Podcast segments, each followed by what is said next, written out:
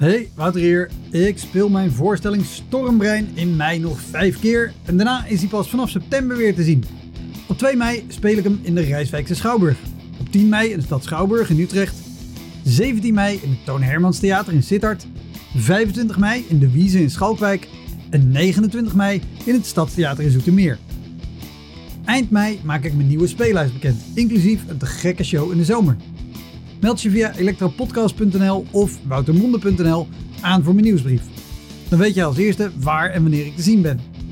Sowieso is dat handig, want dan krijg je elke maand één mail met erin een overzicht van alle podcastgasten, de columns die ik die maand heb gedaan en alle shows die er in de maand erop gaan komen. Welkom, mijn naam is Wouter Monde. Dit is de Elektra Podcast. Een podcast waarin ik met collega's herinneringen ophaal aan shows die ze liever waren vergeten. Genoemd naar het roemruchte jongerencentrum Elektra in Sliedrecht, dat ooit bekend stond als de comedy hell.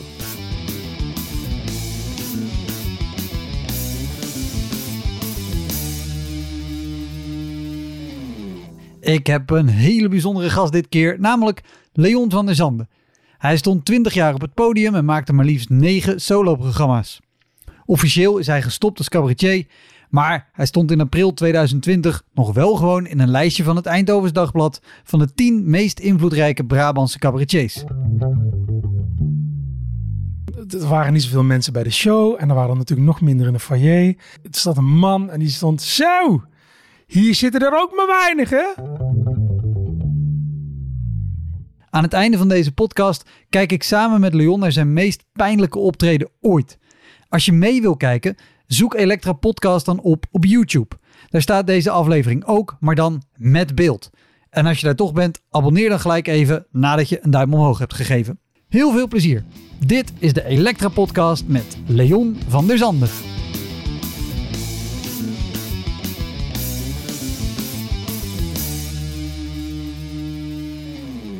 Ik ben ik een eikel? Dit is me nog geen één keer gebeurd. Je hebt hem niet aangezet. Nee, ik had hem niet aangezet. Maar gelukkig hebben we echt maar drie minuten verloren. Ik heb hem... ik dacht, Alles gaat mis. waarom, waarom staat er nog 0.0 op de, op de recorder? Dat is heel raar. Oké. Dus waar, waar- nou. Het, ja, het, het gaat allemaal mis. Maar Goed. nou ja, Goed wederom welkom Leon van der Zanden. Nee, dankjewel. we mogen nog steeds geen hand geven. We mogen nog steeds geen hand geven. Nee, we, we nemen op terwijl dit nu midden in, in, in de corona-epidemie eh, is. En we zitten ook nog eens in Eindhoven. Dus misschien epicentrum. is dit de allerlaatste podcast. Maar het feit, eh, als je deze uitleg nodig hebt om te begrijpen waar we het over hebben, dan hebben we het allemaal overleefd. Ja. En dan zijn we er nog. Ehm, nee, maar, maar we zitten hier om te praten over, eh, over allerlei eh, pijnlijke herinneringen uit je carrière, al dan niet op of naast het podium. Ja. En we hadden het er net al even over dat hij genoemd is naar Elektra. Jij dacht aan Griekse mythologie, dat is vast een godin van pijnlijke herinneringen. maar het bleek gewoon het jongerencentrum in Sliedrecht te zijn. Ja. En toen zei jij, oh, of was dat die plek in Roelofarensveen? Ja. Die al dan niet Splots heet. Ja. En eh, als je nu luistert en je weet of Splots vroeger een andere naam heeft... Ja. En wat die andere naam was... dan eh, zoek even Elektra Podcast op op eh, Instagram of Twitter... en laat achter wat dan die naam was. want wij weten het ja. niet. Eh, en jij vertelde, jij deed in die tijd werk voor MTV... Ja. en het presenteerde het programma Pimp My Room. Ja. Die volgde jou een dag uit je leven... en dat moest de meest pijnlijke dag zijn op dat moment. En dat eindigde met een optreden In in Roelevarensveen. In. En, maar was dat, was dat optreden in scène gezet? Of was dat ook Ja. echt toeval? Ah, oké. Nee, dat was een scène gezet. Oké. ja, ja, ja, ja. Zo kun je ook een podcast doen. Dat we eerst eh, zonder op te nemen praten. En dan dat het gewoon in vijf minuten samen. veel sneller klaar. Maar eh, eh, dat optreden in Roelevarensveen hadden jullie in scène gezet. Ik neem Ja. aan, gebaseerd Op, op een waar gebeurd verhaal. Ja, daar waar gebeurde verhalen. Want ik, volgens mij waren dat drie of vier keer gespeeld. Dat was de tijd dat de Comedy Explosion naast de Comedy Train eh, het enige rondreizende gezelschap was. Comedy Train speelde toen ook wel eens op plekken. Maar wij kregen alle leftovers. Dus Comedy Train kreeg toen al wel de betere plekken. en wij kregen dus Roelevarensveen en, en uh, Schubbekutteveen. Ik weet niet wel allemaal wat voor plekken. En ja, moeilijk. Gewoon, ja, de stand-up comedy was toen nog niet bekend. Cabaret was een beetje bekend. Dus daar kwamen mensen dan op af. Maar ja, jongerencentra met een veel te hoog podium, dat is niet te doen. En wat, wat, wat maakt een, een hoog podium Geen lastig contact. Ja, geen contact. Mensen zitten veel te laag. Ze kijken echt naar je op. Nou, los van fysieke ongemakkelijkheden, van je moet altijd zo zitten eh, met je hoofd omhoog dus. eh, is het ook, ja, het is helemaal geen goede verhouding om, Ja. om te communiceren met mensen. Dus dat was gewoon moeilijk. En wij waren ook beginnend, hè, wat ik zei toen, Gabier, Wilco, ik, Jasper Valstar. En ze hadden nog een klein clubje die allemaal, ik denk dat Wilco toen het langste bezig was. Ja, wij waren ook nog aan het ontdekken, hoe werkt dit hele vak? Hoe moet dit? En dan, dan hebben we het over begin jaren 2000, denk ik. Ja, ja, 99, 2000, die hoek, ja. Ja, Nog voor eh, 9-11 volgens mij. k- kijk aan. Ja. Dan, dan, dan zijn we echt ver terug. En, en, en, en in welke zin maakt het moeilijk? We zijn geen contact met het publiek. Ja, eh, geen goede verwachtingsmanagement. Dus zij wisten niet zo goed waar ze nou een kaartje verkochten. En wij wisten ook niet zo goed wie er nou in de zaal kwamen te zitten. Dus dat was van twee kanten was het een soort verrassing. Ehm, maar ik denk dat het hoge podium en de sfeer ook een hoog plafond. Dat is ook killing voor comedy, dat weet je ook hè. Heel hoog plafond, dus de lach verdwijnt, ja, vervliegt ook. Ja.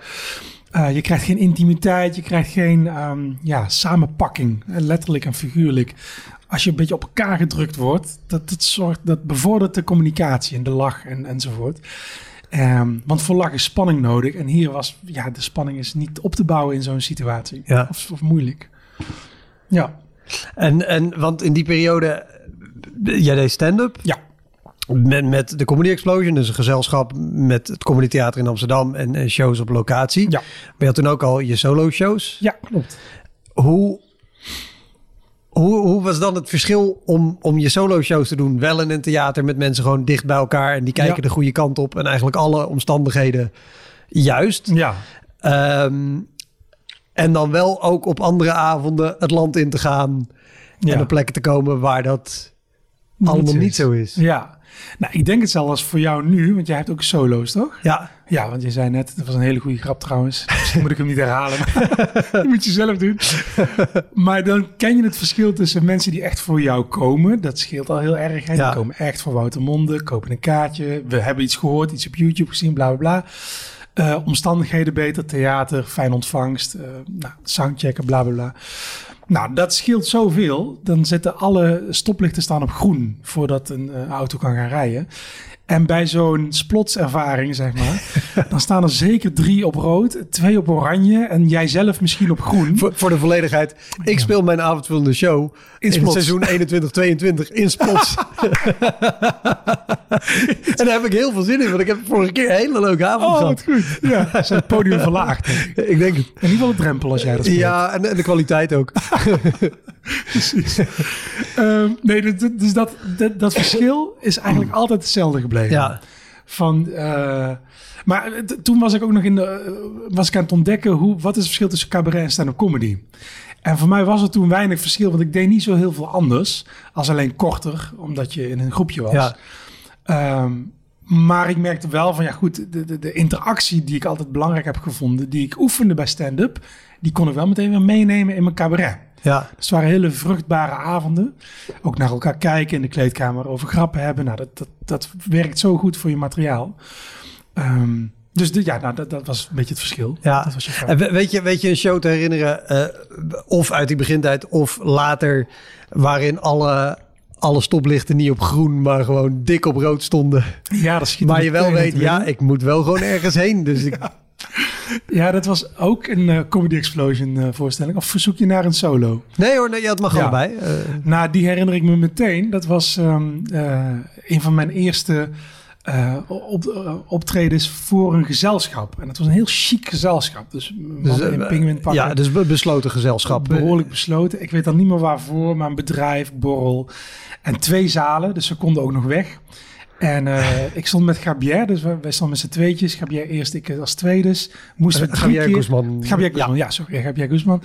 Moesten we drie keer op die avond eh, dat setje doen, zodat mensen konden binnenwandelen. Nou, je hoort nu al vier alarmbellen afgaan, weet je wel. binnenwandelen, besloten. Ze komen niet voor ons.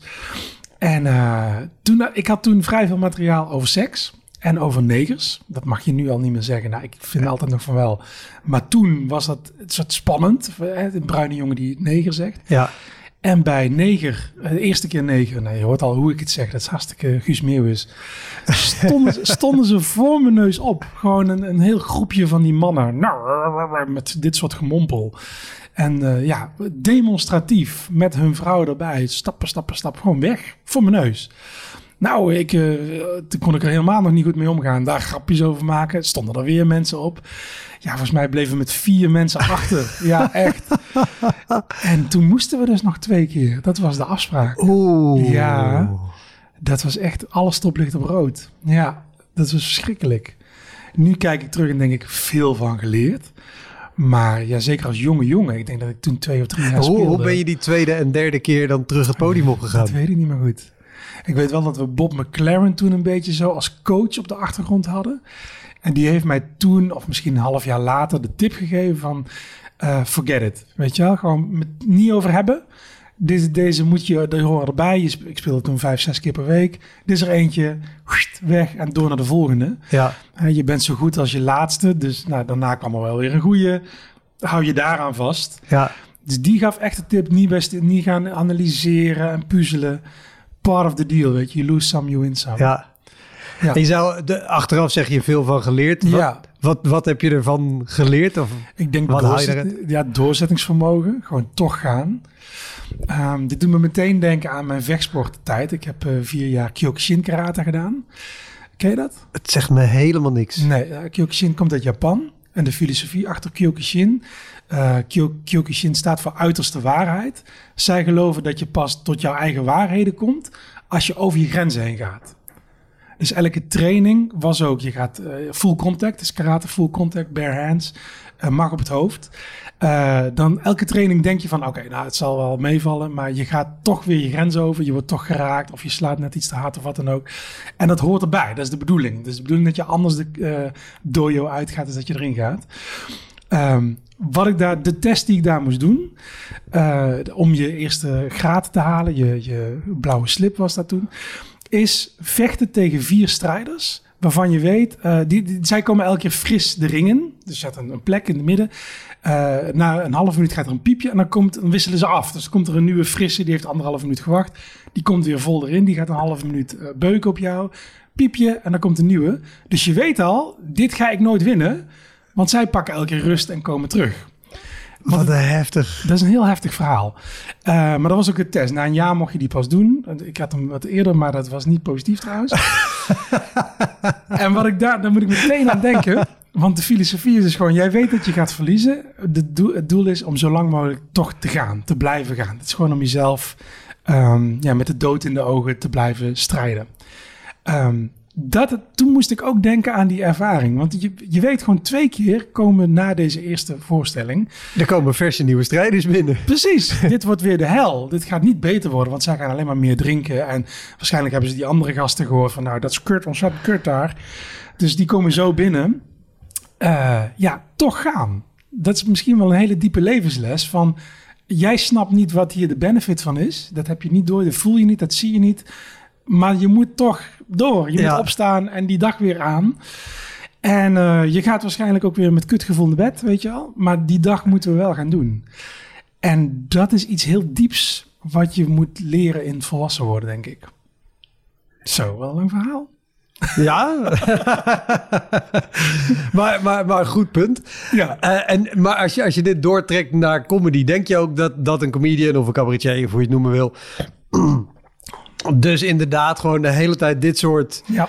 Ja. uiterste op moet zoeken om, om beter te worden en om echt heel goed te worden? Ik denk niet opzoeken. Dan klopt het niet. Als jij zou zeggen, nou laat me, laat me maar lekker daar spelen. En ja. dan, uh, nou, dan misschien niet op, opzoeken, nee. maar uh, moet, moet doorstaan of, ja. of moet ervaren.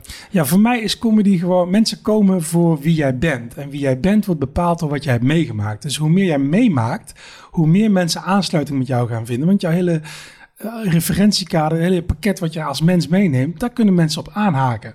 Ze voelen aan jou dat jij, als je het hebt over uh, het is kut in mijn leven, dat je ook echt wel weet dat wat kut is. Je bent geen jongen van 17 die nog nooit uh, geen zalm heeft gehad voor ontbijt. En die dan begint over, het is kut in mijn leven, snap je?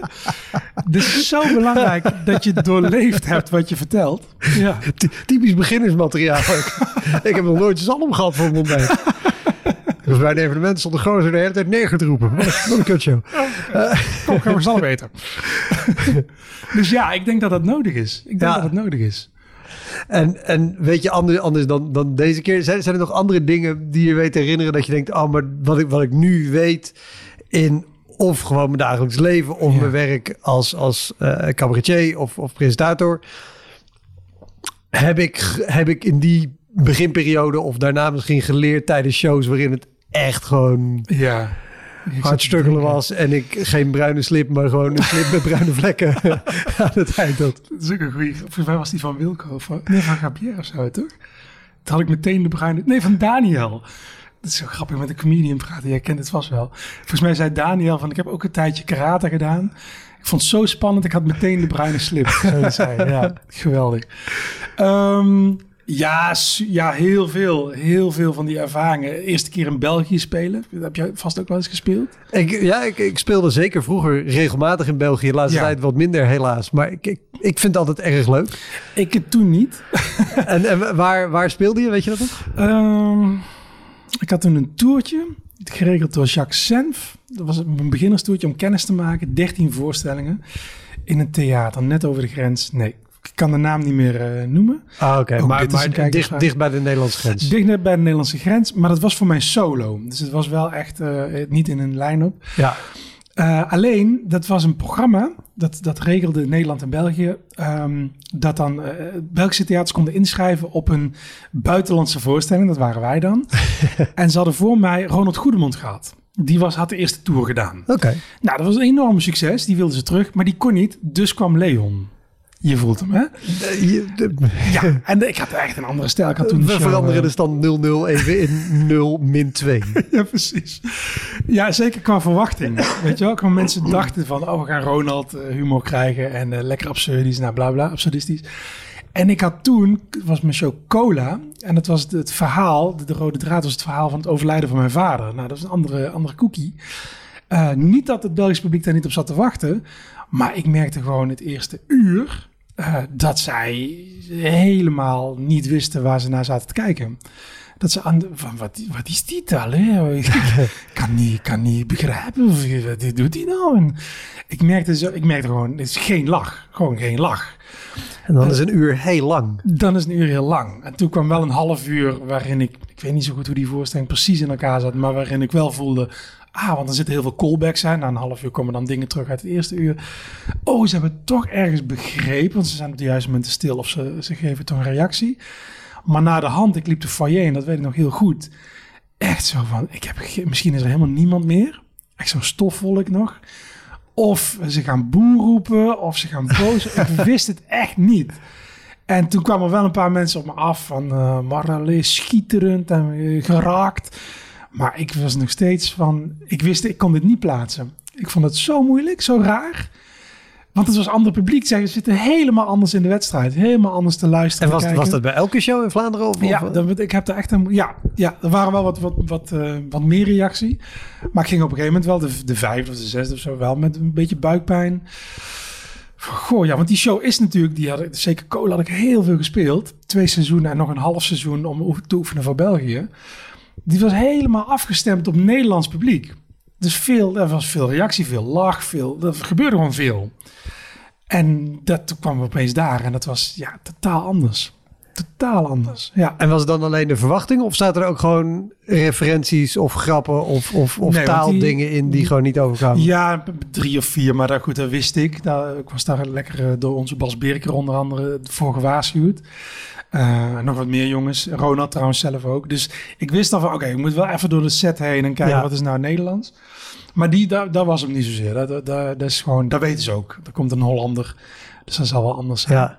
Maar het, was, het had echt met... Ja, ik was gewoon afgestemd op Nederlands publiek.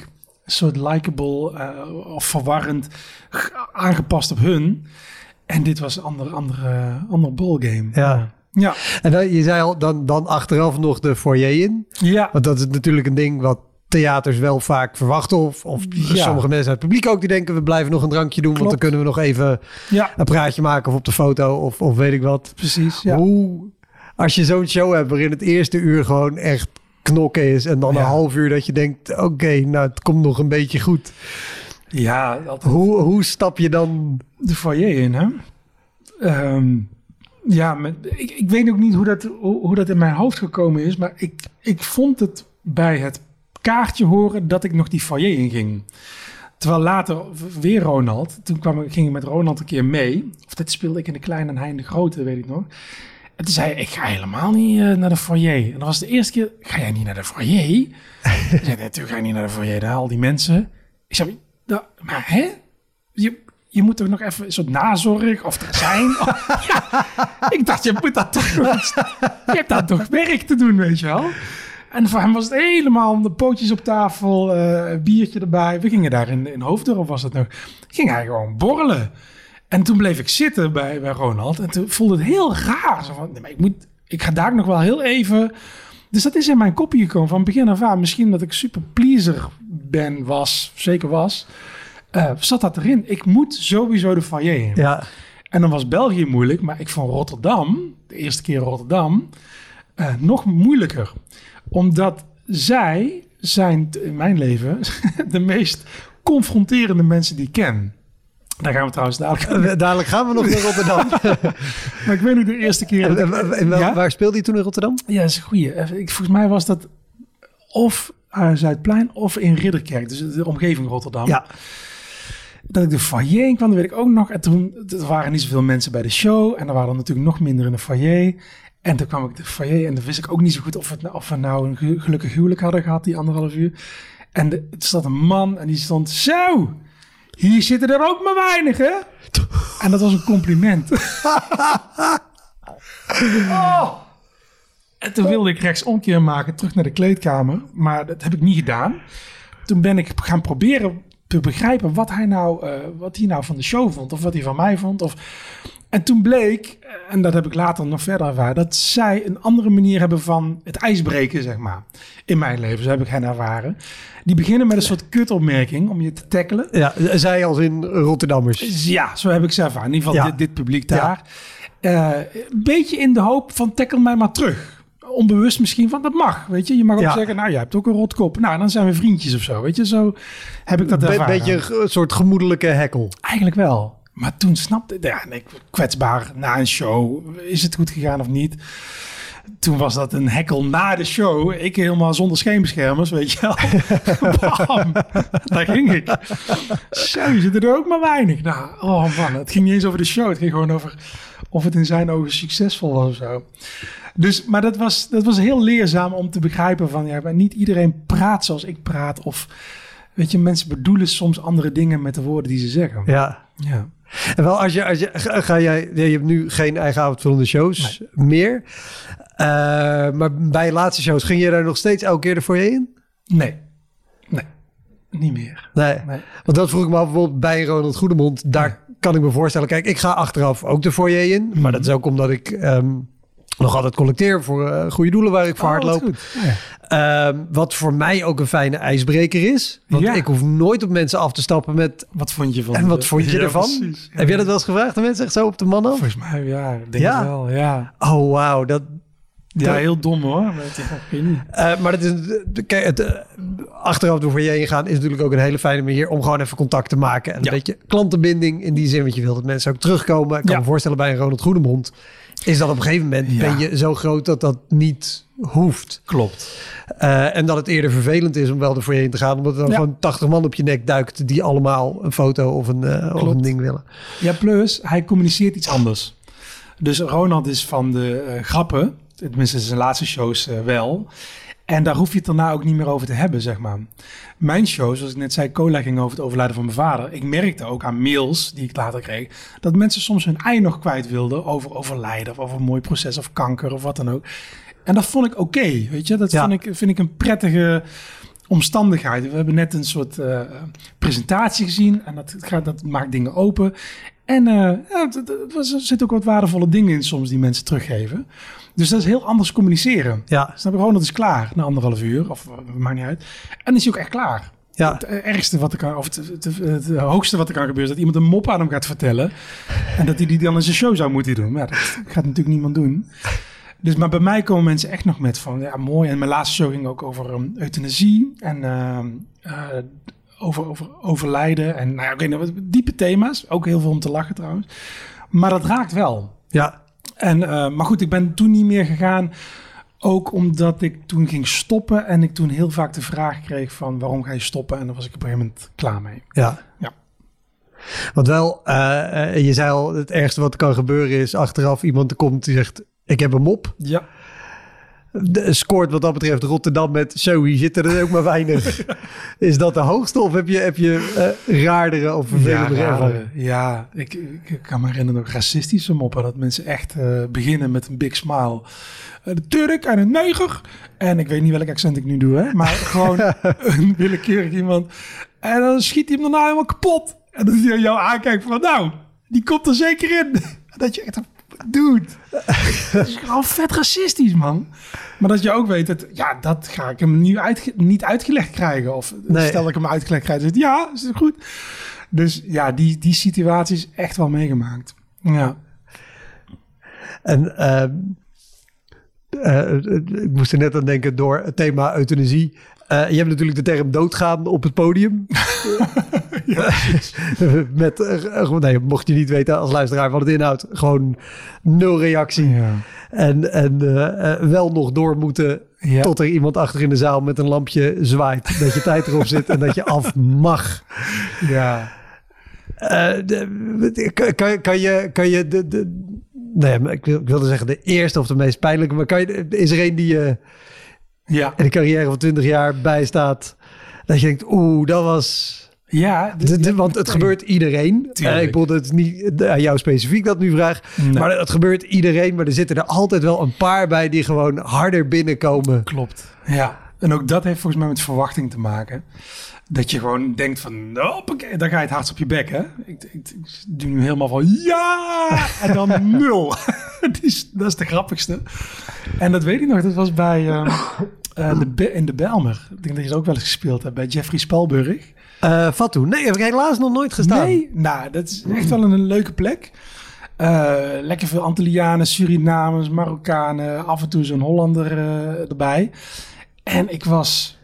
En, en ook Ja? even, ik, Ja. ik, ik weet ongeveer wat voor sfeer de show heeft en Ja. wat dat verschil in het publiek kan maken. Maar even om gewoon heel kort te duiden, wat is het verschil tussen een avond bijvoorbeeld hier in het Parktheater theater, met allemaal abonnementhouders van tussen de 40 en de Ja, twee keer 40. Ja. of zondagmiddag Bijlmer Theater, helemaal volgepakt met alle culturen door elkaar. Wat, wat voor verschillende energie is dat? Ja, swingen. Het swingt daar. Dan zit ook een DJ, Jeffrey is er. Nou, eh, voor de mensen die Jeffrey niet kennen, dat is ook een swingende dude. Het zijn, men, het zijn, zijn mensen, familiebijeenkomst, weet je wel.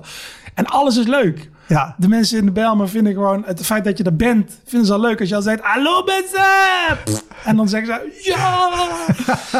en in het parktheater denken ze: hmm, Hebben we daar eh, 16,50 voor betaald? Weet je?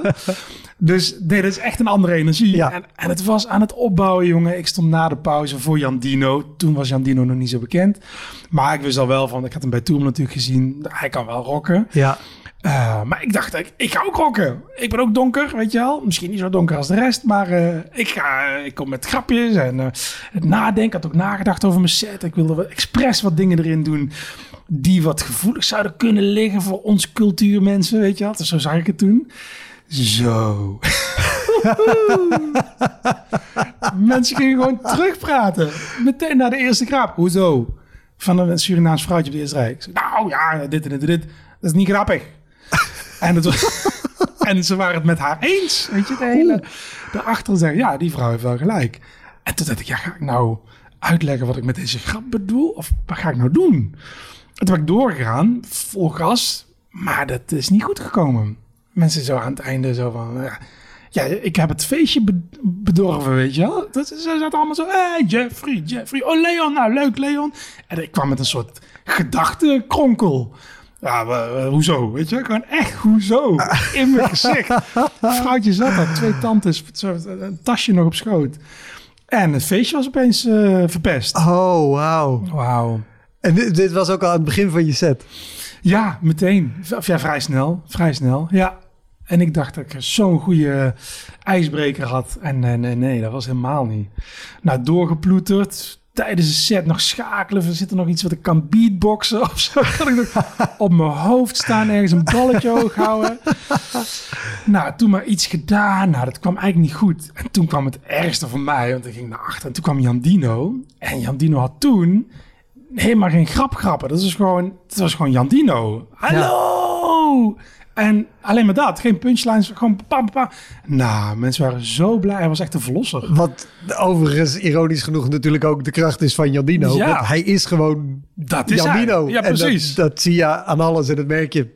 Helemaal. Dat is hij. Dus dan maakt het ook niet uit of je per se set de punchline grappen hebt. Daar kwam ik toen achter. Weer een wijze les. Want ik had hem bij Toomler gezien. En bij Toomler had ik gewoon meer grapgrappen. Weet je, ik had langer nagedacht. Dus dat was zat een gedachte in of filosofie. En bij Jandino eh minder of niet soms. Dus dat stak een beetje af. Dus ik dacht, oh god, dan krijgen ze Jandino. eh nou, ik zal, zal mij benieuwen. Nou, zo. Die werd als een verloren zoon binnengehaald. Dat was helemaal fantastisch. Zeker na mij. Want mij vonden ze een vervelende gast. Ja. Ja, Nou ja, voor hem kan het dan ook alleen maar goed werken. Dat ze denken, Ja. oh, nu is er iemand anders. Hè. ja. Relaxed. Eh, nou, Ja, heb je het wel eens vaker Ik moet zeggen, ik herken het wel eens. Ik heb ook wel eens gehad in bepaalde line-ups dat je met een, een collega staat die keihard gaat, maar dat je er nog achterna moet. Ja, En dat je al merkt, oeh, maar als jullie dit leuk Ja, vinden, precies. Ja. dan gaan jullie mij echt helemaal... En dat is dan helemaal niet ten nadele van wat die ander doet. nee, nee. Maar het is wel gewoon alsof er, alsof er iemand voor je... eh, die staat hartstikke lekker gebakken eieren te bakken. En jij komt daar met je toosjes ingewikkelde kaas. Dat je denkt, oeh, als jullie gebakken eieren lekker vinden. Ja, het is echt zo. Het is ook het verhaal van de avond. Een line-up is net zoals een solo, is een verhaal. In hun hoofden, de mensen van het publiek, die maken een verhaal. Hè? Die praten ook later naar de eerste, de tweede, de derde. Ik vond de vierde leuker dan de tweede. Voor hen is dat één show. Terwijl wij hebben nooit iets gerepeteerd met z'n vieren, weet je wel. Nee. We doen maar gewoon ons eigen ding. En in een show eh, of in een verhaal, als je te vroeg piekt, als de eerste, als het knetter gaat, nou kijk maar naar Hollywoodfilms, dat is ook nooit in het begin eh, de, de oplossing, weet je wel. Want dan moeten we nog anderhalf uur eh, verhaal. En dat wordt dan automatisch zo van, hmm, moeilijker of ingewikkelder. Dus dat, dat kun je niet van tevoren plannen, hoe een comedian valt. En hoe die in het verhaal van de avond zit. Dus je bent echt afhankelijk van voor en na jou. Ja. Ja. Heb jij veel bedrijfsoptredens gedaan? Mm, ik weet niet wat veel, maar wel... wel ja. Dus je bent natuurlijk ook vaak presentator en dagvoorzitter. Ja. Dat is iets wat je, wat je nog steeds doet, volgens mij toch? Ja. Eh, maar ben je, er, ben je er ook als, als comedian veel geweest of heb je je daar Ja, buiten gehouden? Eh, ik heb me daar zoveel mogelijk buiten gehouden. Eh, in het begin dacht ik van, oh, dat ga ik wel doen, want het is redelijk lu- lucratief. Hè? Ja. Mensen in bedrijven hebben allemaal van die potjes die op moeten voor het einde van het jaar. En dan eh, stoppen ze dat dan daarin. Ehm, maar ja, af en toe heb ik dat wel eens gedaan. Ook in periodes dat ik wilde try-outen. Dat je materiaal kan testen, weet je wel. Dan maar daar. Ging je materiaal testen op bedrijfsoptredens? Ja, ja, tussenin. Hè? Dus ik begon dan sterk met materiaal wat altijd werkt. En ik wist zeker dat ik ging eindigen met eh 10 minuten dat. Maar in het midden, ja, je moet toch ergens testen, proberen, Ja. voelen hoe dat werkt. Maar ja. En hoe ging dat? ja, niet altijd goed. Ja, ik, denk- ik neem aan dat je dit onderwerp aanhaalt van bedrijfstreders zijn bijna gedoemd om... Nou ja, het, het, het, het verschilt. Ze kunnen heel leuk zijn. Mhm.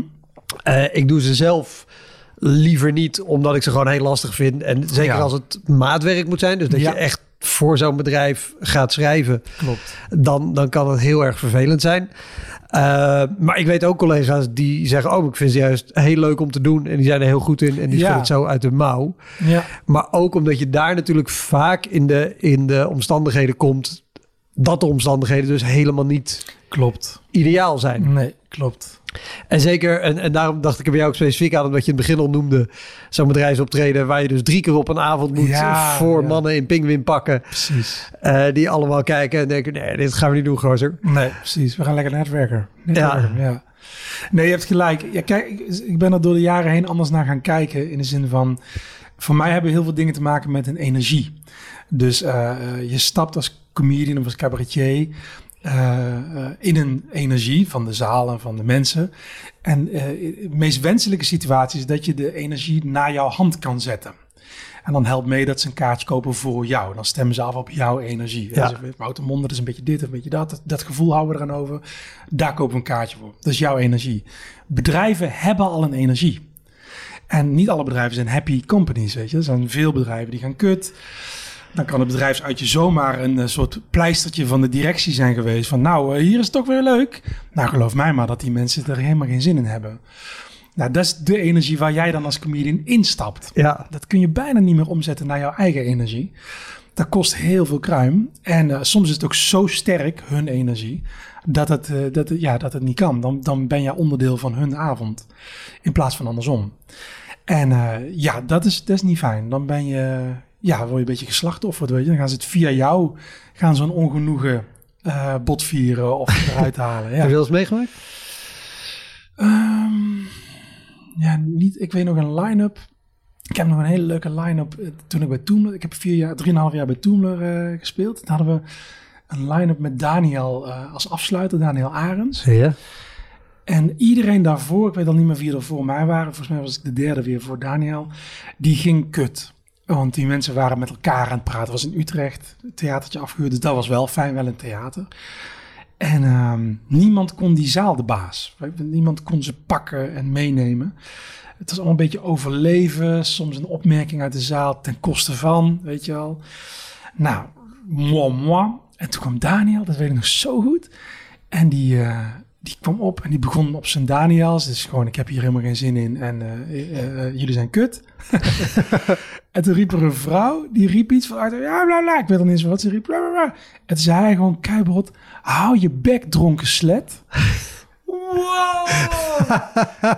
Echt, bam! Iedereen volle aandacht voor Daniel. Ja, hij had ze. Hij had ze in één keer. Hij prikte de ballon die dat het onder de oppervlakte zich duwde, weet je wel. En, en was hij toen al Daniel Arends zo groot als dat hij nu is? Nee, nee, toen was hij nog niet zo bekend en niet zo volle zaal als dat hij nu is, ja. Dus toen had hij al de, de fuck you houding. En ehm, in dat geval, want ik heb hem ook wel eens minder zien gaan, maar in dat geval was, was dat perfect. Ja. Hij, ging, hij werd een soort nieuwe eh, aanvoerder van de kutgevoelens, zeg maar. Ja, dat, dat kon hij dragen, dat kon hij aan. En hij had haar meteen geparkeerd en de hele zaal, de aandacht meteen. Ja. Ja, Ja, tricky. Ik, heb ooit... eh, waren masterclasses van Steve Martin. Die kon je online eh, bekijken. Heel tof. En die, die haalde daar ook wel in aan... wees gewoon... of wees verre van de waarheid. Weet je, dan, dan ben je gewoon een typetje of je doet je ding. Of wees de waarheid. totaal de waarheid. Ja, ja, ja. En in dit geval... Ja, ja. Is en het is ook vaak wat in dit soort shows al is... Ja, benoem gewoon zoals het is. ja, en als inderdaad de goede inschatting is... dat iedereen denkt... hou je bek, dronken slet. Ja, Zo, ja, ja, precies. Ja, Maar ja, dat is een dubbeltje op zijn kant. Het kan natuurlijk precies. ook dat iedereen denkt... ja, wij vinden er ook irritant... maar het is wel het hoofd van haar. Die altijd dronken is, dat wij wel. Hoi, Wouter hier. Luister je vaker Elektra? Dan is het een goed idee om crewmember te worden. Je doneert dan automatisch elke maand een klein bedrag en in ruil daarvoor krijg je extra afleveringen, consumptiebonnen om in te wisselen als je eens live bij mij komt kijken en je krijgt een unieke link waarmee je voortaan de podcast luistert zonder dat ik halverwege onderbreek om te vragen of je crewmember wil worden. Zoals nu. Dus, word crewmember. Dat kan al vanaf 1 euro per maand. In de omschrijving van deze aflevering vind je een linkje voor meer informatie. Oké, snel weer terug. Ja, Nee, je hebt gelijk. En dat denk ik, dat, ik denk dat ik dat ook van Daniel geleerd heb. Ik vind het heel mooi wat je zegt over de waarheid zijn. Je hebt natuurlijk verschillende waarheden, want je hebt je eigen waarheid als comedian. Die is ook weer tweeledig, want je hebt je waarheid als artiest. Je, trap, je stapt toch in een rol. ja. Of je thuiswaarheid. Nou, Daniel neigt ernaar om zijn thuiswaarheid zeg maar, mee te nemen het podium op. Ja. Dat vind ik heel leerzaam. Dat vind ik heel spannend ook en heel eng. En het is ook niet helemaal mijn type eh, wat ik daar kom doen. Maar wel gaaf. Dat vind ik wel onderzoekend gaaf, weet je. Ja. Wat, doet, dat- wat is dat nou? Dan heb je nog de waarheid van eh, de avond. Dus de- wat die mensen met zich meebrengen. Dus het is, niet zo makkelijk om te zeggen, wees de waarheid. Want er zijn er een paar. Ja, ja, ja. Die dan Het, het, gelden. het is heel lastig. En je moet Ja. ook de juiste kiezen en die ook nog op de juiste manier. weten te vertalen en eh, te Ja. vertolken. Nee, helemaal waar. Maar de- da- dat maakt het ook zo interessant. Dat maakt ons vak denk ik ook zo interessant. Dat elke avond is niet, je doet je werk. Elke avond is ook van, oké, hoe, hoe werkt dit precies? Ja. Het is altijd ontdekken. En ehm, dat, dat maakt bedrijfsoptredens ook wel weer interessant. Omdat er zoveel te ontdekken is. Kijk, dat het, als het goed gaat, dat merkte ik op een gegeven moment ook. Nou, ik heb heel veel gespeeld. Zeker met een show die loopt, een, een solo, dan weet je wel wat het is dat die loopt. Ja. Dat, dat kennen we. Eh, dan wordt het interessant wanneer het niet loopt. Eh, of niet zoals verwacht loopt. En dan ga je niet dood of hebben mensen eh, van een kutavond of zo. Maar dan gaat gebeurt er iets anders. En dan wordt het voor jou ook interessant, want dan stap je uit je comfortzone. Dan moet je omgaan met dat andere. Theo heeft me dat geleerd, Theo Maassen. eh, veel gesprekken meegevoerd van hoe werkt dat nou allemaal? Hoe maak je het voor jezelf spannend? Nou, nou, hij speelde t- 200 keer zijn show of zo. Wat hij deed was gewoon een uitdaging voor zichzelf plannen die avond. En die wist het publiek niet. Dus dat was eh, een avond kopje koffie op tafel en die moet op voor het einde van de avond. Nou, dat moet hij dan doen. Dus hij ging dan kijken wanneer hij dat kopje koffie opdrukken heeft hij ooit gedaan. Je moet drie keer opdrukken in de voorstelling. Nou, dat vond ik zo eye-openend, weet je wel. Van oké, oh, het is ook je eigen avontuur natuurlijk. Ja. Oh, wat grappig. Goed hè? Ja, vond ik heel waardevol. Heb je ook wel eens dat soort dingen ingebouwd in je show? Nee, ik heb het nooit zo bewust gedaan. Maar het heeft me wel geleerd, want ik ging dat altijd met het publiek zoeken. Dus die uitdaging ging ik zoeken in het publiek. Ik had heel veel interactie, altijd in de shows. En eh, die ging ik altijd blanco in. Dus daar zaten mijn kopjes koffie. Dan ging ik gewoon vragen. eh, nou ja, in de laatste show zat de vraag: eh, kent u dat dat er een overledene zich nog aandient? Weet je, dat er gewoon dat u een gevoel heeft dat u niet alleen bent of zo. Nou, dat was aan het einde van de show, dus mensen wa- waren al wel gewend aan vragen en aan dit soort onderwerpen. En dat was altijd verrassend wat mensen zeiden. Maar dat is ook wel een vraag waar je een, een antwoord op krijgt wat de show helemaal stillegt. Ja, ja, en dat is dan het nieuwe. Is dat, is dat wel eens gebeurd? Heb je dat wel eens gehad? Ja, maar hij legt hem niet stil, want het is, het is echt een oprechte vraag voor mij. Ja. Ik ben echt nieuwsgierig. Dus hij, de, de, de flow gaat wel door. Ja. Alleen er komen antwoorden die inderdaad ja, diepe kraters kunnen slaan in de Nou ja, ik moet eraan denken, in, in toevallig aflevering 1 eh, zat René van Meurs. Ja. En die vertelde dat hij aan een vrouw vroeg, droomt u nog wel eens? En die vrouw zegt, nou, ik heb vannacht gedroomd over dat mijn vriendin precies een jaar dood is. Oh ja, ja. En daar ging de sfeer. Je Ja. de, de deuren nog net klapperen terwijl de sfeer naar buiten vliegt. Maar toch, en dat vind ik een goeie. Eh, dit sluit aan bij wat we in het begin zeiden. Van als comedian kom je ook met je eigen ervaringen. En ik vind dat juist prachtig wat die vrouw vertelt. Kijk, ik zou dood niet meteen, eh, of dit, dit verhaal niet meteen als onderdeel van de show eh, verheffen. Maar eh, je bent wel mens en jij, jij raakt het onderwerp aan. Ja. Dus tegen René, voor René vind ik het een hele wijze les.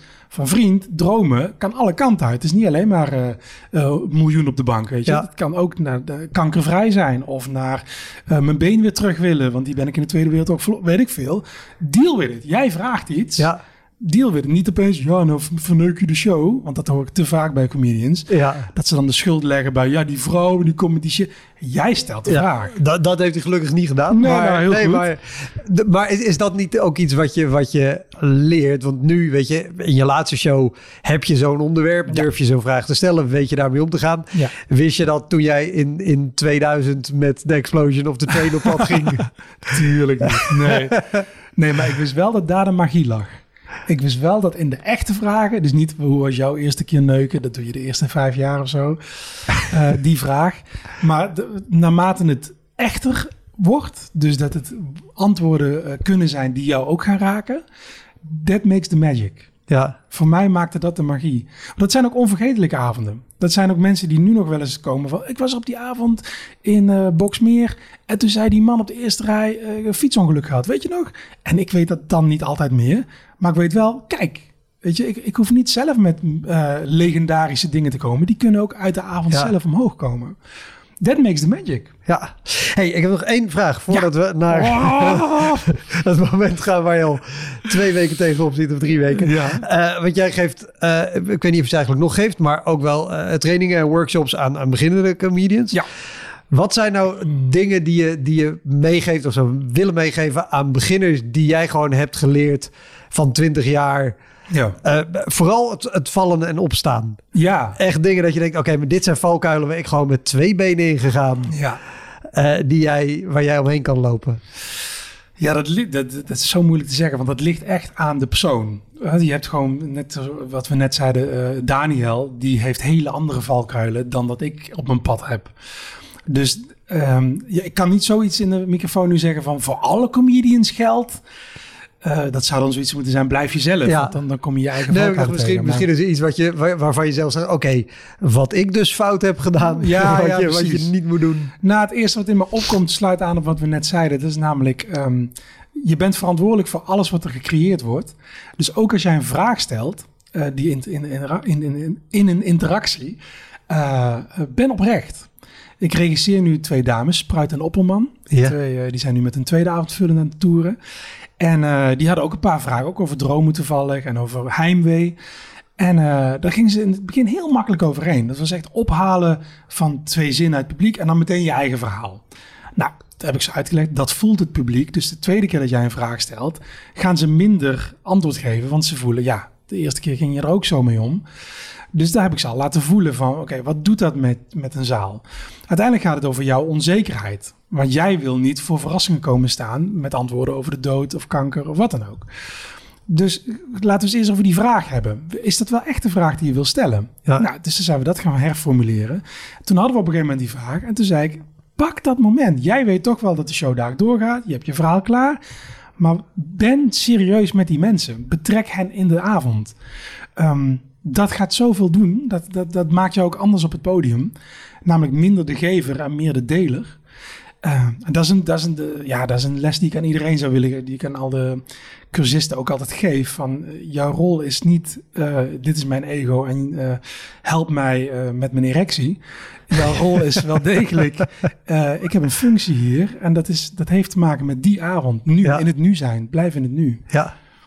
Eh, daar, daar nog voortbedurend. Ja. Eh, want jij deed ook masterclasses. Misschien doe je die nog wel. Maar dat Mhm. mensen ook... eh, en verbeter me als ik het verkeerd uitleg.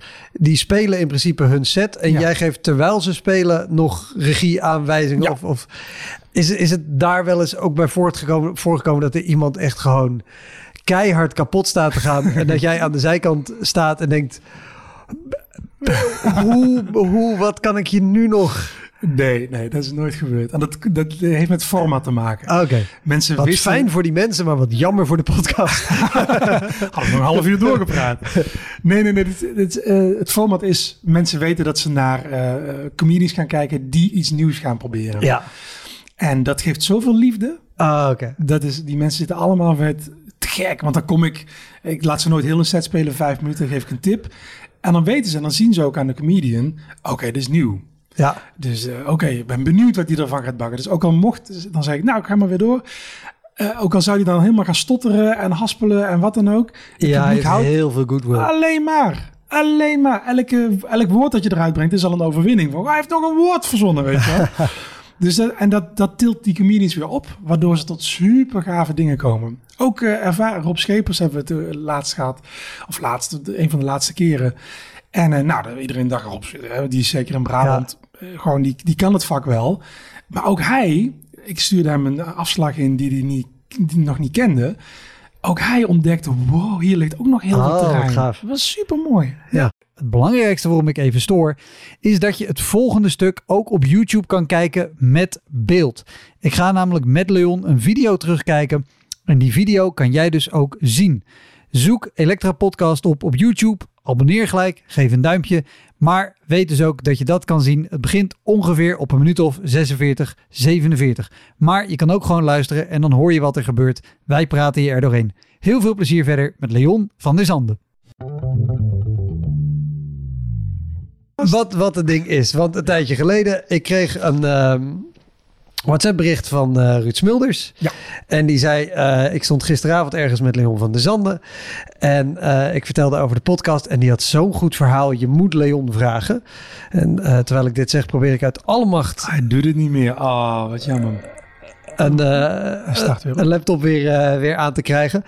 En ehm, vertel even wat het, wat het verhaal is. Want we gaan, we gaan zo meteen samen kijken naar een optreden ehm, waar jij niet 100% tevreden over bent. en dan, dan druk ik me zacht uit, denk ik. Ja. En want, want dat is wel, eh, ik heb bewust ehm, hier verder heel weinig over opgezocht of gekeken. Ik heb het fragment ook nog niet gekeken. Ehm, maar jij speelt op een avond voor Willem van Hanegem, Ja. de, de, de, de, de bekende voetballer. Ja. Eh, wat voor avond was dit? Dit was de avond van zijn boekuitreiking. er was een, eh, een boek geschreven over hem. Ehm, en dat werd gepresenteerd eh, in het oude Luxor in Rotterdam. Ja, dus dat zijn dik 800, 900 stoelen. 900 mensen, ja, helemaal vol natuurlijk. Eh, Kort eh, het verhaal. Ehm, ik ken de schrijver van het boek. En Frans heet hij. En Frans zegt: hey, ik heb een boek geschreven over Willem van Hanegem. Dat gaan wij in een cafeetje presenteren. Wil je dat presenteren? Toen zei ik: Ja, vind ik hartstikke leuk. Doe graag die dingen. Ik hou van voetbal en ik hou ook van Willem van Hanegem. Ga ik doen. Toen werd bekend dat Willem eh, de verschrikkelijke ziekte, ziekte kanker had. Dus toen werd die boekpresentatie uitgesteld. Toen, een paar maanden later, was Willem kankervrij. Toen dacht de uitgever, dit is het moment van de boekpresentatie. Maar dat gaan wij niet in een café doen. Dat gaan wij in het Oude Luxor doen. en dat gaan wij live op televisie uitzenden.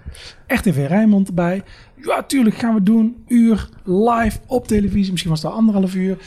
Boekpresentatie Willem van Hanegem. Prachtig boek. En we gaan hem verteren. Hij is kankervrij. Hij blijft nog leven. Hippie pora. Eh, wie had je allemaal al geregeld, Frans? Frans, nou, ik heb een presentator. Oh nee, dat gaan we niet doen, want uh, RTV Rijnmond gaat het worden. Dus we willen graag een presentator Een gezicht van RTV RTV Rijnmond. Precies. Ja. Maar die eh, Leon heb je al geboekt. Die kennen wij verder niet. Was het antwoord van de organisatie, hoorde ik later. maar kan die nog meer? Het zei Frans, ja, volgens mij is het ook cabaretier. Oh, doen we wel een kwartiertje cabaret. Het is stand-up comedy. Mij gebeld, niet presenteren, welk cabaret wil je dat doen? Ik eh, met mijn ja, mezelf overschattende hoofd zei, oh, voetbal, cabaret, oude Luxor, dit gaan we gewoon doen. Ja. Dit gaan we gewoon doen. Kwartiertje, dat gaan we doen. Zo kwam ik terecht op de memorabele avond uh, van de boekpresentatie van Willem van Hanegem. Van Oké, okay, ik zou zeggen, zet de koptelefoon op. We gaan er naar kijken. Uh, um, mocht je hem tussendoor willen stoppen, dan kunnen we dat doen. Als je iets toe wil lichten, we kunnen hem ook gewoon kijken. En dan gaan we het daarna nog even... Gaan we niet tegen de kijker zeggen, of tegen de luisteraar zeggen wat er gaat gebeuren? Nee, dat gaan we niet doen. Uh, nou ja, ik, ik weet überhaupt niet wat er gaat gebeuren. ik weet dat hij jou aankondigt en dat jij gaat spelen. Oké, oké, oké. En ik heb nog helemaal geen idee van hoe of wat. Voetballiefhebber, daar gaat hij over vertellen. Uw applaus voor Leon van der Zanden. En dadelijk, ik plak dit fragment ook bij de YouTube-video van deze podcast. Dus dan kan je nog live meekijken met wat wij nu zien. Goedenavond, dankjewel, dankjewel, dankjewel Bart, dankjewel Willem. Uh, prachtig om naar te luisteren, zo'n slecht weergesprek. Ik ken dat soort gesprekken niet, ik kom uit Eindhoven. Fijne avond allemaal, tot ziens, dankjewel. Nee, oh ja, ook echt willen, oké. Okay. Nee, maar het is wel, het, wat ik heel mooi vind om naar te luisteren, is dat je inderdaad die liefde uh, voor die, je hoeft niet echt heel ver weg, hoor. Ik, ja? Opeens vertrekken ze allemaal. Nee, wat ik zo mooi vind is dat je toch die liefde uh, voelt voor die club, erbij blijft. En, en dat, dat, dat vind ik prachtig. Vind ik, prachtig. Ik, ik pauzeer hem al heel ja, even, goed. want dit is al... Hier gaat het al mis. Uh, pijnlijk. Uh, de, er zitten drie mensen achter jou op een bank. De presentator Willem van Hanegem en... Ik weet niet wie die meneer is. nog een meneer. Ja. Oh, Michel van Egmond volgens mij. Michel van Egmond, dat Denk is... Ik, weet niet zeker. Schrijver van Schrijver. meerdere voetbalboeken. Ja. ja. En die, die zitten op hele grote Chesterfields achter jou. En die zijn al aan het verzitten. Ja. En dat is al ongemakkelijk. Want die, die zitten dus gewoon in het zicht van het publiek. En het hele publiek ziet ook hun reactie. reactie ja. En gaat dat meenemen. Kopiëren. Ja, nou kopiëren of in ieder geval meenemen ja, in de beleving. Want zij mij. zijn natuurlijk in principe hoofden ja. Van de avond. We, we, nog even voor de, ook de plek waar ik sta, dat weet ik nog bij de soundcheck, want we moesten natuurlijk een goede doorloop doen met camera's. Er staan nu iets van 10 camera's in deze zaal, plus 900 mensen, helemaal vol. Ik stond helemaal in het hoekje tegen een katheder aan, wat niet weg kon. En ook qua licht was er maar één spot fel op mijn bek. Dus er kon ook weinig, eh, er was weinig beweging, Ja, bewegingsruimte. en de rest van het podium is ook nog volledig uitgelicht. Dus de aandacht is nog steeds overal. Het Juist. publiek ziet ook Iedereen en alles. iedereen, alles, elke, elke gezichtsvertrekking van de andere man op het podium. En niet dat ze alleen maar naar jou kijken. Oké, we gaan... eh, om naar te luisteren. Het voelt wel een beetje als een, een vrouw die bij een man blijft, die er blijft slaan. Maar het is wel prachtig om naar te luisteren. vind ik echt heel mooi. Ik heb zelf eh, een, een echte voetbalfan mogen volgen. Ik maak af en toe documentaires. En toen heb ik een, een Feyenoord-fan mogen volgen. Gerrit heet hij. Gerrit, Gerrit Gelijnse. Misschien kennen jullie hem. Prachtige vent, allemaal tatoeages. En echt de hele week zenuwachtig voor de wedstrijd. En ik mocht een portret van hem maken. Toen heb ik hem ook een paar keer geïnt. Oh, ik, ik vind... Oh, sorry man. Wat doe je jezelf aan? Ik vind dit al... Ik zie Willem van Hanegem nu op het scherm. Die zit uitgebreid zijn nagels te bekijken. En voetballers staan niet bekend om hun voorliefde voor goede manicures. Dus dat is niet omdat hij denkt... Moet ik, moet ik binnenkort weer eens even langs? Ik heb altijd denk, oh, dit is, hoe is Ja. dit voor jou? Tot nu toe, nou, ik, de eerste lach viel me mee. En dat ik de tegenwoordigheid van geest had om die meneer te benoemen die ging verzitten. Plus eh, de eerste grap. Ik kom uit Eindhoven en daar was het nog om gelachen. Ik was, ik was in het nu, dus dat Ja. vind ik heel tof. Maar ik sterf ook in het nu. Ja, goed en vragen gesteld. Aan het einde van de documentaire vroeg ik hem... Gerrit, wat is het nou dat je zo uitleeft en uitkijkt naar die wedstrijd? Dan is die wedstrijd daar en dan word je zo agressief. En dan is het aan het einde vechten en met dingen gooien. Wat is het nou precies? En toen zei hij tegen mij, en ik kan het accent absoluut niet naden... maar de boodschap was... Leon, weet je wat het is? Ik, ik werk heel de week. En dat vind ik frustrerend. Dat vind ik moeilijk. Ik wil eigenlijk iets anders doen, maar dat, daar kom ik niet toe. En dan is die wedstrijd daar en dan gooi ik al die woede en frustratie eruit.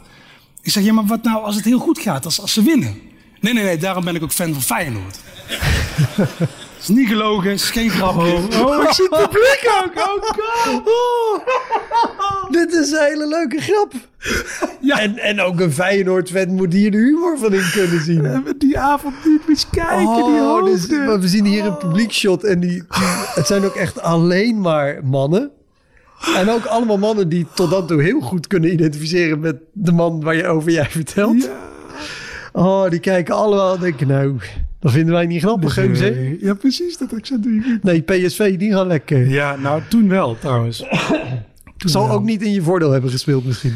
De 100% van niet, dus ik had het ook een beetje over, eh, overschat. Oh, Mezelf. Gewoon terug te zien. Maar ik ben, eh, ik ben me bewust van dat ik als ik hier sta, dat Willem naar me zit te kijken en denkt, wie is die gast? ja. De eerste echte lach. ja. Applausje zelfs. Nou Willem, dat was wederzijds. Ik heb je moeten googlen. En eh, je doet leuke dingen met sport. Heel leuk om te zien. Maar wat me vooral geraakt heeft, en dat is me echt opgevallen, vond ik echt prachtig om te zien, is dat jij af en toe je kwetsbare kant durft te laten zien. Dat vind ik mooi. Ik heb interviews teruggezien bij Pauw onder andere, dat de Marokkaanse spelers jou zo roemden om hoe je met ze omging. Over Johan Cruijff heb ik gezien en, en eh, over je gezondheid. En dat vond ik zo, vond ik zo mooi in zo'n mannetjeswereld, weet je, de voetbalwereld. Dat je gewoon je kwetsbaar, durft- kwetsbaar durft op te stellen. stop, stop. Prachtig. Hier ging het mis. Want nu maak ik een brug naar kwetsbaarheid. Ik heb nu materiaal, want dit, dit was dus mijn dikke vette overschatting. Ik dacht, ik hoef niks te schrijven. Ik pak gewoon materiaal wat al gewerkt heeft elders. Dat ga ik hier doen. Ah, ik, ik zit helemaal te trillen terwijl Ehm, Is aan de ene kant overschatting, aan de andere kant nog heel logisch dat je materiaal gebruikt Ja. waarvan je weet, veilig. dit werkt. Tuurlijk. Alleen, ehm, ik had me helemaal niet voorbereid op dit publiek en op deze avond en op, weet je, op wat de sfeer van de avond zou zijn. Want ik ga nu, ga ik alvast aankondigen, want hier gaat het enorm mis. En daarom tril ik ook nog en mijn hart bonst ook enorm. Ja, ik heb zo met me te doen. Ja, nou, ik ook. Oh man, want ik ga hier dus nu naar de geboorte van mijn dochter. Totaal misplaatst op een avond over voetbal. Maar dit is echt wat ik, Willem, vind ik echt een held als het gaat over binnen die voetbalwereld. Hij durft af en toe natte oogjes te krijgen. Ja. Dus toen dacht ik, oh, natte oogjes, top. Ik heb mijn dochter is geboren, toen was ik eh, drie weken van de WAP. Daar ga ik lekker eens vertellen voor 900 Feyenoord fans. Nou, daar ga ik. Ook echt heel erg mooi. En, en ik denk ook zeker dat het ook eh, eh, van deze tijd is. Dat voetbal niet meer echt maar dat, dat hele harde hoeft te zijn, maar dat het gewoon kwetsbaarder mag. Als je ziet wat er dit weekend gebeurd is over die spits van VVV, dat op al die velden geklapt wordt, daar is ruimte voor. Er is ruimte voor die kant. Dat vind ik mooi. Ik ben helemaal geen comedian meer, hè? Ja, bij de dood van Johan Cruijff was het zo. Dat zijn mooie dingen. En ik heb ook het idee dat het, dat het van de nieuwe tijd is. En ik denk dat de nieuwe generatie ook niet meer terug kan. Maar je hoort mij dat al- mannetjesding, dat is Ik zet mezelf even. Ja. Dit is, nu ben ik echt aan het overleven al. Ik hoor het aan mijn, ehm, mijn, mijn stem. Zie je mijn vinger trouwens? Deze vinger? Je trilt inderdaad. Ja, ik- dit is zo pijnlijk. Want ik, ik weet nu hoe ik me hier voelde. Dit is echt zwemmen eh, met, met beton aan je benen.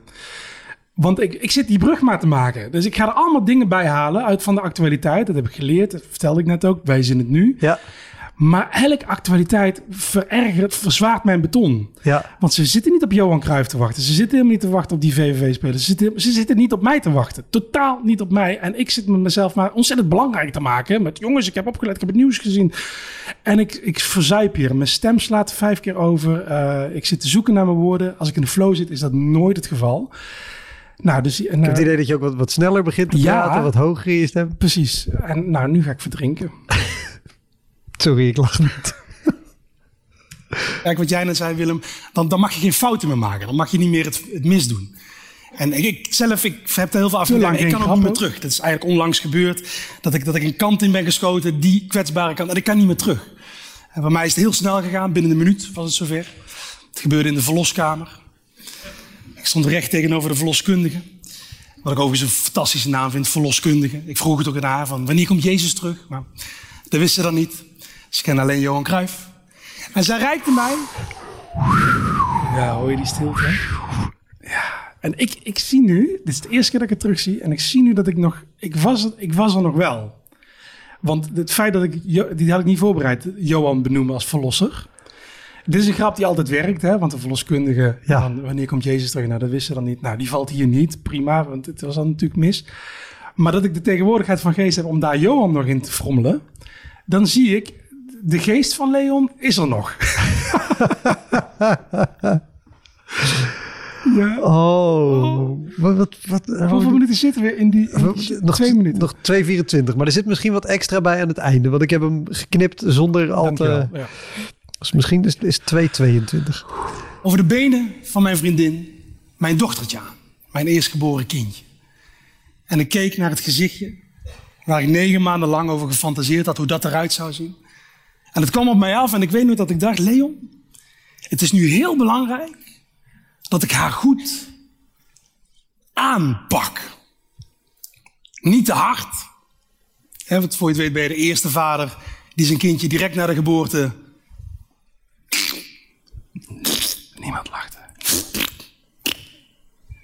Nee, sorry, die is kapot, die wil ik niet. hè. Dat kan niet. Dat kan niet. Ja, hier, hier is het. Ja. Oh, maar ook even... Ik, ik, ik, ik weet hoe dit kan werken. Jij weet dat je deze zinnen gaat moeten zeggen. Want die Ja. zitten daarin. Je kan Ja. niet zeggen ik stop. Nee. Weet je op dit moment nog dat je, dat je dacht... Oh, ik ga nu deze grap maken. De grap hiervoor viel ook al niet. En ik ga zo meteen uitbeelden hoe ik een pasgeboren kind Fijn kapot knijp. Nee, maar ik besef het tijdens. Dus, want deze grap werkte ook altijd. Ja. Nogmaals, dit komt uit eh super gewoon. Dat had ik toen denk ik honderd keer gespeeld. Ruim honderd keer. Nou, dit is gepokt en gemazeld materiaal, zeg maar. Voor mensen die voor Leon van der Zanden een kaartje komen. Kopen. Precies. En niet Feyenoord supporters die willen dat ik eh, de tering krijg. Live. Ah, maar dat kan ook niet te zacht. Je kan ook niet zeggen, nou geef maar hier. Geef het uit. Ah, jammer zeg. Dat kan niet. Dat moet goed en je hebt maar één kans. En ik begon daar als toffe jongen, stoer. Mijn dochter kwam er naar me toe. Hier, oh. En ik ging er naartoe en ik begon dus als toffe jongen. En ik eindigde met mijn dochter in mijn handen als gevoelige man. Met tranen over mijn wangen. En ik legde mijn kindje neer bij mijn vriendin. En wat ik er nog uit kon krijgen was... Liefje, dit is Nou, onze dochter. Het publiek hoor je nu al. eh, En vanaf dat moment heb ik vier weken lang zo gepraat. niemand Ja, en dat was niet zo prettig, want ja, er kwam al een bezoek langs en die ging allemaal vragen stellen. En Leon, hoe was de geboorte gegaan, de bevalling? Ik zeg, ja, het was fantastisch. Het was echt geweldig. Ik moest ook wel boodschappen doen in die tijd. Nou ja, ik probeerde het maar eens te doen. Ik kon niks onthouden. Ik moest boodschappen, eh, beschuit en, en muisjes doen, weet je wel. Ik kom daar in die winkel. En het was allemaal gevoelig. Het was Elton John op de radio. Met dat liedje The Circle of Life. Nou, ik kon niks meer. En dat hele gevoel, weet je wel, dat had ik de hele Oh. tijd. En dat vind ik Ja, toch maar, maar, mooi maar. dat het er mag zijn. Snap je? Dat bedoel ik te zeggen. Ik had nog wel een dingetje met de naam. Dat was wel grappig. Ik, ik- als je kijkt naar de nieuwe generatie, die krijgen allemaal Oh, nieuwe Willem, namen. Willem. En wij waren bezig met een naam. En ik hoorde dat jullie zelf ook namen hebben als idee. En als afsluiting wil ik even zeggen, jongens. Ik vind het een eer om hier te zijn. Dankjewel. Lees het boek. Ik mag het niet aanprijzen, maar lees het boek. Het is een prachtig boek. En het komt niet alleen door de mooie dingen van Willem, maar ook door Frans van der Nieuwhof. Dankjewel. Tot ziens. Kijk. Oh, de blikken aan het einde. Het valt me mee. Ja, het, het, Het het- valt me. Ik heb dit in mijn herinnering. Als een soort gladiatoren. Dit is wat ik doe blijkbaar als ter overleving. maar dat is natuurlijk ook dat het eh, in je hoofd wordt het vaak veel groter en nog veel erger dan Ja. dat het was. Want als ik dit kijk, denk ik, ja, oké, het is pijnlijk. ja. Eh, want ik zie hoe Willem van Hanegem zit te kijken en denk, go zit. Ik heb net kanker overleefd. Dan geef je me dit. heb ik nog niet genoeg gehad. Maar het is vooral... Sorry. maar het, het, het is... Wat, wat er vooral misgaat, is dat ik denk... Oké, jij staat daar over je dochter te praten... terwijl iedereen denkt, we zijn niet toch van Willem van Hanegem. Waarom, Ja. waarom gaat het niet over voetbal? Ja. Of, of waarom gaat het niet over Willem van Hanegem? En het, het, het, is, het is meer, ja, jij komt gewoon met lekkere rookworsten op, op, op een bijeenkomst van, Vegetarisch. van, van de vegetarische vereniging. Dat je denkt, ja, Ja. niks mis met die rookworsten. Nee. Maar dit is gewoon niet... Maar dat had ik van tevoren natuurlijk beter moeten doen. Ik had moeten weten dat het een vegetarische vereniging was. Ja. Snap je? En dat heb ik gewoon niet goed gedaan. Eh, en, ik, en ik had ook niks anders. Dus ik had alleen maar rookworst. Ja, En ik, eh, een goede kok heeft rookworst. Oké, werkt niet. Dan hebben we ook nog eh quiche met prei. ja. Had ik niet. Ik had geen prijs met, Nee, had niks anders. Ik had helemaal niks anders. Want, want hoe, hoe, als je, want hier, nou, je hebt dit gedaan, dan Ja. ga je af. Ja, En dan, dan kom je daarachter in, in het Luxor. Ja, weet je wat grappig is? Kijk, hebben we nog tijd? Of Ja, ja, ja, oké, toch. Ehm, die trui die ik daar aan had, Ja. die had ik vanmorgen aan. Het is echt heel, dit, dit is ongelooflijk hoe de, de natuur, ik zeggen, hoe het leven werkt. Ik had die vanmorgen aan bij het wegbrengen van de kinderen. Eh, we hebben gisteren een film gekeken met de kinderen. was een hele emotionele film, heel mooi. In de auto terug, eh, zonder kindjes, zette ik die, eh, die muziek weer aan. En ik werd geraakt en ik moest een beetje huilen. En die trui wordt nat. Dus ik kom thuis, ik denk, ik ga niet in een natte trui, een beetje vlekjes. Ga ik niet naar Wouter. Dus ik doe die trui uit en doe een andere trui aan. Ja. Ik zit hier en ik kom op met die janktrui. dat is toch ook, want die heb ik echt al, ik denk al een jaar niet meer aangehad. Die groene trui, die was, die, die, trek ik gewoon niet aan. Dat is niet, dat is, een- dat is een, ja, ik weet niet. Nou, dus dat vind ik al één ding. Nou ja, in de coulissen, eh, de hartslag die ik nu heb, had ik daar ook. Oh, weet je wel, van kut. En, en wat, ik, wat ik goed vind, wat ik hier zie, is dat ik de tegenwoordigheid van geest tot het einde heb bewaard. Want ik wist, oké, die namen kan ik niet meer doen. Ik moet stoppen nu. Ja. Ik heb ook comedians gezien die dan toch doorgaan. Ja. Maar ik wist hier nu nokken, anders worden de dingen gegooid. Dus dat, dat vind ik tof. En dat ik nog Frans van der Nieuwenhof noem, weet je. En nog Willem bedank. Nou, pff, En is, chapeau, is, ja. is dat iets wat je aan het einde bewust deed? Dat je dacht, ik, ik draai het naar die schrijver en naar Willem om het positief... Ik deed niks meer bewust daar. nee, serieus. Ik was zo... Dat is het ook. Hè. Je, wat ik doe, eh, als ik het gevoel niet aan kan, dan ga ik naar mijn hoofd. Dan stijg ik in energie naar mijn hoofd. En dan, dan zie je mij ook zo... Dus dan zit ik hier, Ja. maar dan voel ik echt niks meer waardoor ik dingen bewust doe. Hè. Als ik dingen vanuit mijn gevoel bewust, eh, kies. Ik kon niet meer kiezen, laat ik het zo zeggen. Ik Ja. flapte het eruit om een goed einde te bouw- bouwen. In de coulissen, ik ben eh, rechts afgelopen, voor de kijker rechts. Ja. Alle eh, organisaties stonden links. En de nieuwe spreker, Nico Dijkshoorn, kwam na mij. Die stonden allemaal links. En ik wist, ik blijf even rechts. Ja. ik heb daar gaan trillen. Dat weet ik nog heel goed. Eh, Het trilde heel erg. Diep ademhalen. En ik dacht alleen maar, eh, ik ga daar terug. Dat is het enige wat ik dacht. Want waarom ging ik terug? Niet uit van, hallo, daar ben ik weer. Maar we hadden afgesproken bij de doorloop. Dit is een televisieuitzending. En we eindigen met alle artiesten en sprekers en een bandje ook. Naast Willem met een bos bloemen. En dan zingen we nog Langs als leven of iets. En dan eindigen we als totaalshot met z'n allen. Hadden we ook geoefend waar we stonden, bla bla. Dus ik dacht alleen maar, oké, get it together, dude. Weet je, je bent niet klaar. Je moet daar nog even aan de bak, Ja. want je gaat terug. Er was nul twijfel in mezelf dat ik niet meer terug zou gaan, dat ik zou vluchten of wat dan. Ik wist, ik ga terug. En ik moet mezelf in de komende tijd zo opkalefateren dat ik terug kan. Hoe heb je dat gedaan? Eh, eh, ik ben gaan lopen, dus ik heb daar denk ik vijf of tien minuten gezeten. Tijd wordt dan ook trouwens heel relatief, net als bij een ongeluk. En toen liep ik achter het podium langs, dat weet ik nog heel goed. En toen zag ik eh, de rest staan, de organisatie. Meisjes die dan zeggen, je moet op en zo. Nou, iedereen had natuurlijk... Sorry, ik krijg een boertje. Iedereen had de crash eh, gehoord en gezien. Dus eh, ze deden net alsof ik een soort schimmelinfectie had. Niemand keek mij aan.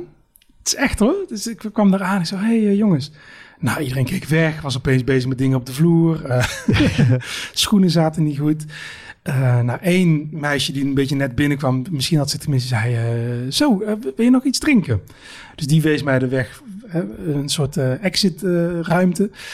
Zeker weg. Daar gebeurde hetzelfde, want het was allemaal uitgezonden op televisieschermen in de artiestenfoyer. Ja, ook Ik nog. kom daar binnen, jongen. Schurft. Echt. Dit is hoe mensen, als je de pest had vroeger, hoe je gemeden werd. Ja, Echt hoor. Dit, is, dit, is, dit heeft iets maar dit, triest. dit, is, Ja. dit is ook wat er gebeurt als je met een line-up met meerdere comedians ergens Ja. op pad bent. En je gaat echt heel erg kapot. Je ook, mijden je. Als, als niemand iets tegen je zegt, Ja. dan weet je, oeh, dit, Ja. dit was heel pijnlijk. Precies. En, en ik mag nu eh, talentvolle voetballers eh, begeleiden. Eh, bij ADO doen we dat. We gaan het bij PSV ook doen. Ehm, dat is een van de ergste dingen. Iedereen maakt in een wedstrijd fouten. Het ergste wat een team dan kan doen, is die jongen gaan negeren. Je ziet het heel mooi in de eh, finale de twee eh, jaar geleden, toen Liverpool tegen Real Madrid speelde. Die keeper Karius, ik weet niet of je... Nou, in Ik ieder weet geval, niks van voetbal. maar nee, keeper Ik ben blij dat ik Willem van Hanegem herken. ja, precies. Spits was die. Nee. Eh, de keeper maakt een enorme blunder. Echt fout van zijn leven. En je ziet dan op beeld dat alle spelers zich van hem afwenden. Daarna maakt hij nog een blunder. En dat heeft te maken met dat eigenlijk zou je, en dat heb ik nu ook geleerd, je moet eigenlijk daar naartoe en zeggen van, dude, I'm here, weet je wel. Ja. Ik weet nu, je gaat sowieso niet met mij praten, want je zit nog in iets anders. Maar je bent niet alleen. Ja, Dat heb ik gevoeld in het oude Luxor. Ik liep daar echt alleen. En toen kwam ik erachter, en dat was helemaal triest, dat degene die het organiseerde, was volgens mij de dochter van Johan Derksen, die organiseerde dit, Marieke, die dacht dat ik de Brabo-neger was. Dus die had mij ook nog eens een keer met een verkeerde verwachting en zo, oh laat die jongen maar, want die is de Brabo-neger, dat vinden ze allemaal leuk. Dus zij had ook een energie daar neergezet van, nou hier, eh, hier staat hij dan, ja. die helemaal niet klopte.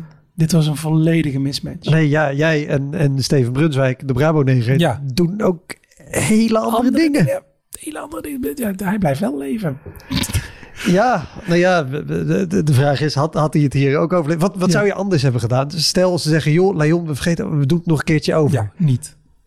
Nee, zou- gewoon helemaal niet? Nee, dit, dit moet je niet doen. Welke comedian had dit ge- goed gedaan? Ja, Feyenoord comedian misschien? Patrick Pat- Larrey. Patrick Larrey, Ja, een te Rotterdammer, sowieso. Die had het gedaan. Die had het eh, zeker goed gedaan. Ja. Maar ja, zelfs, of, of de Daniel Arends bravoer, iemand die echt gewoon opkomt in een Ajax-shirt. ja, maar en- dan is het nog... Maar dan moet je ook heel... Precies, want wij zagen ze nu niet. Maar bovenin het theater zaten mensen met Feyenoord shirts aan. Die zie je nu niet op een beeld met sjaaltjes. En dat zat echt daar, ja, niet de de harde kern, maar wel gasten die dat de hele tijd willen uitdragen. Die hadden dat niet gepikt. Nee. Zelfs Daniel Arends, als ze dat hadden gehoord, hey, die komt uit Amsterdam. Fuck him, weet je wel. Ja. Eindhoven was dan nog een beetje te doen. Vier minuten. Daarna was het ook klaar. Maar, oh ja, dit wilde ik nog vertellen. Ik werd een running gag die avond. Dat heeft me ergens gered. Nico Dijkshoorn begon met... Volgens mij is die, eh, die Leon net van het zuurstof af. Reactie van het publiek. Hey. Ja. Daarna van we spreken benoemde mij ook. De presentator heeft me volgens mij nog benoemd. Dus ik werd een soort ongoing patient op de achtergrond.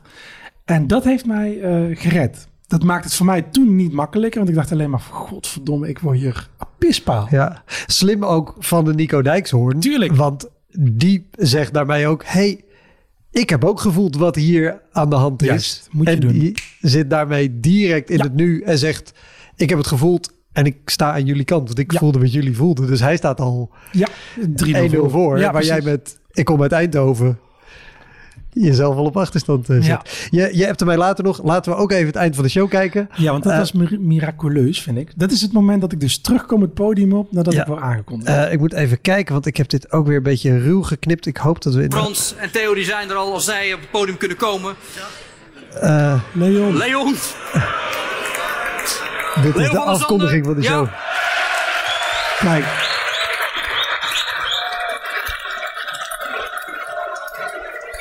Oh. En als het goed is, eh, is er voor dit gezelschap dan nu de nodige bloemen. Die komen eraan. Kijk, zou je ze net hebben? Ik ga nog zitten ook, zie je dat? Geef dan nog een applaus. Theo van Es, Leo van der Zanden, Leo Frans van van der Nieuwhof, Michel van Egmond, Nico Dijkshoorn en van het Algemeen Dagblad, Mikos Gauka. Nee joh, laat maar gaan. Oh, je staat ook pijn daar weg te Als je nog één bijten. stap Ja. op, eh, naar voren wil zetten, want we gaan het eh afsluiten. Oh, daar was ik blij om. Dat Kijk, oh, dit is mooi. Kom maar,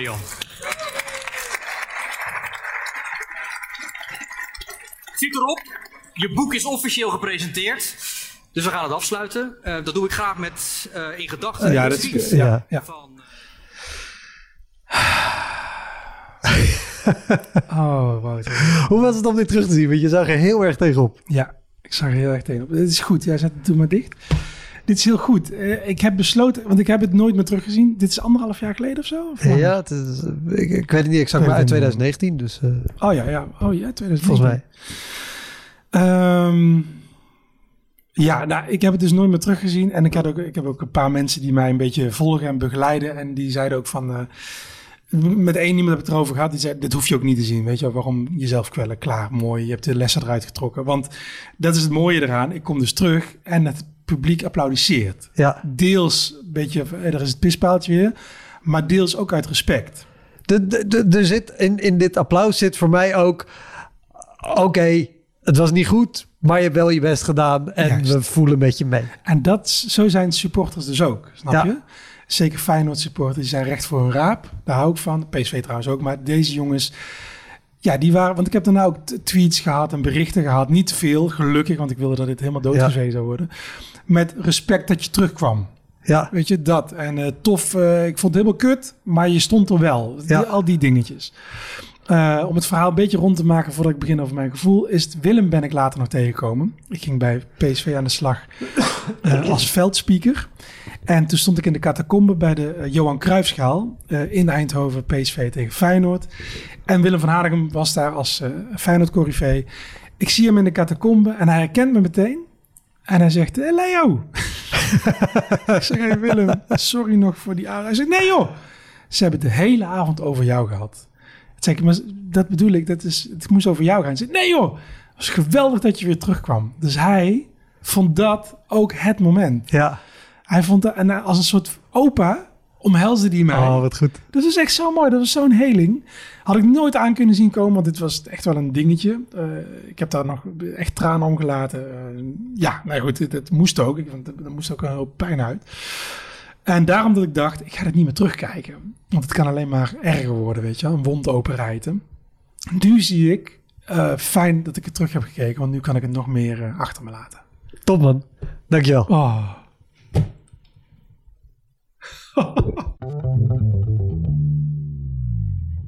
Dat was hem, de Elektra Podcast. Meer informatie over mijn gast van vandaag en linkjes naar van alles en nog wat vind je in de omschrijving van deze aflevering. Er staan ongelooflijk veel afleveringen online van Elektra. En op elektrapodcast.nl kan je makkelijk zoeken op de naam van jouw favoriete comedians en cabaretiers. Je kan daar ook eenmalig doneren of crewmember worden. Als crewmember betaal je maandelijks een klein bedrag, maar dan krijg je ook nog eens bonusmateriaal. Je luistert voortaan zonder onderbrekingen en je krijgt consumptiebonnen die je kan inleveren bij een show van mij. Ik vind het sowieso te gek als je een keer komt kijken bij mij. Dus ga naar woutermonde.nl, daar zie je precies waar en wanneer ik optreed. Of meld je aan voor de nieuwsbrief, dan hou ik je op die manier op de hoogte. En dan nog iets, elke vrijdagmorgen doe ik een column op radiostation Kink. Je kan die column terugluisteren als podcast. Hij heet Kink op de Week en je vindt hem in de app waar je ook deze podcast luistert. Oké, tot de volgende Elektra. Hoi!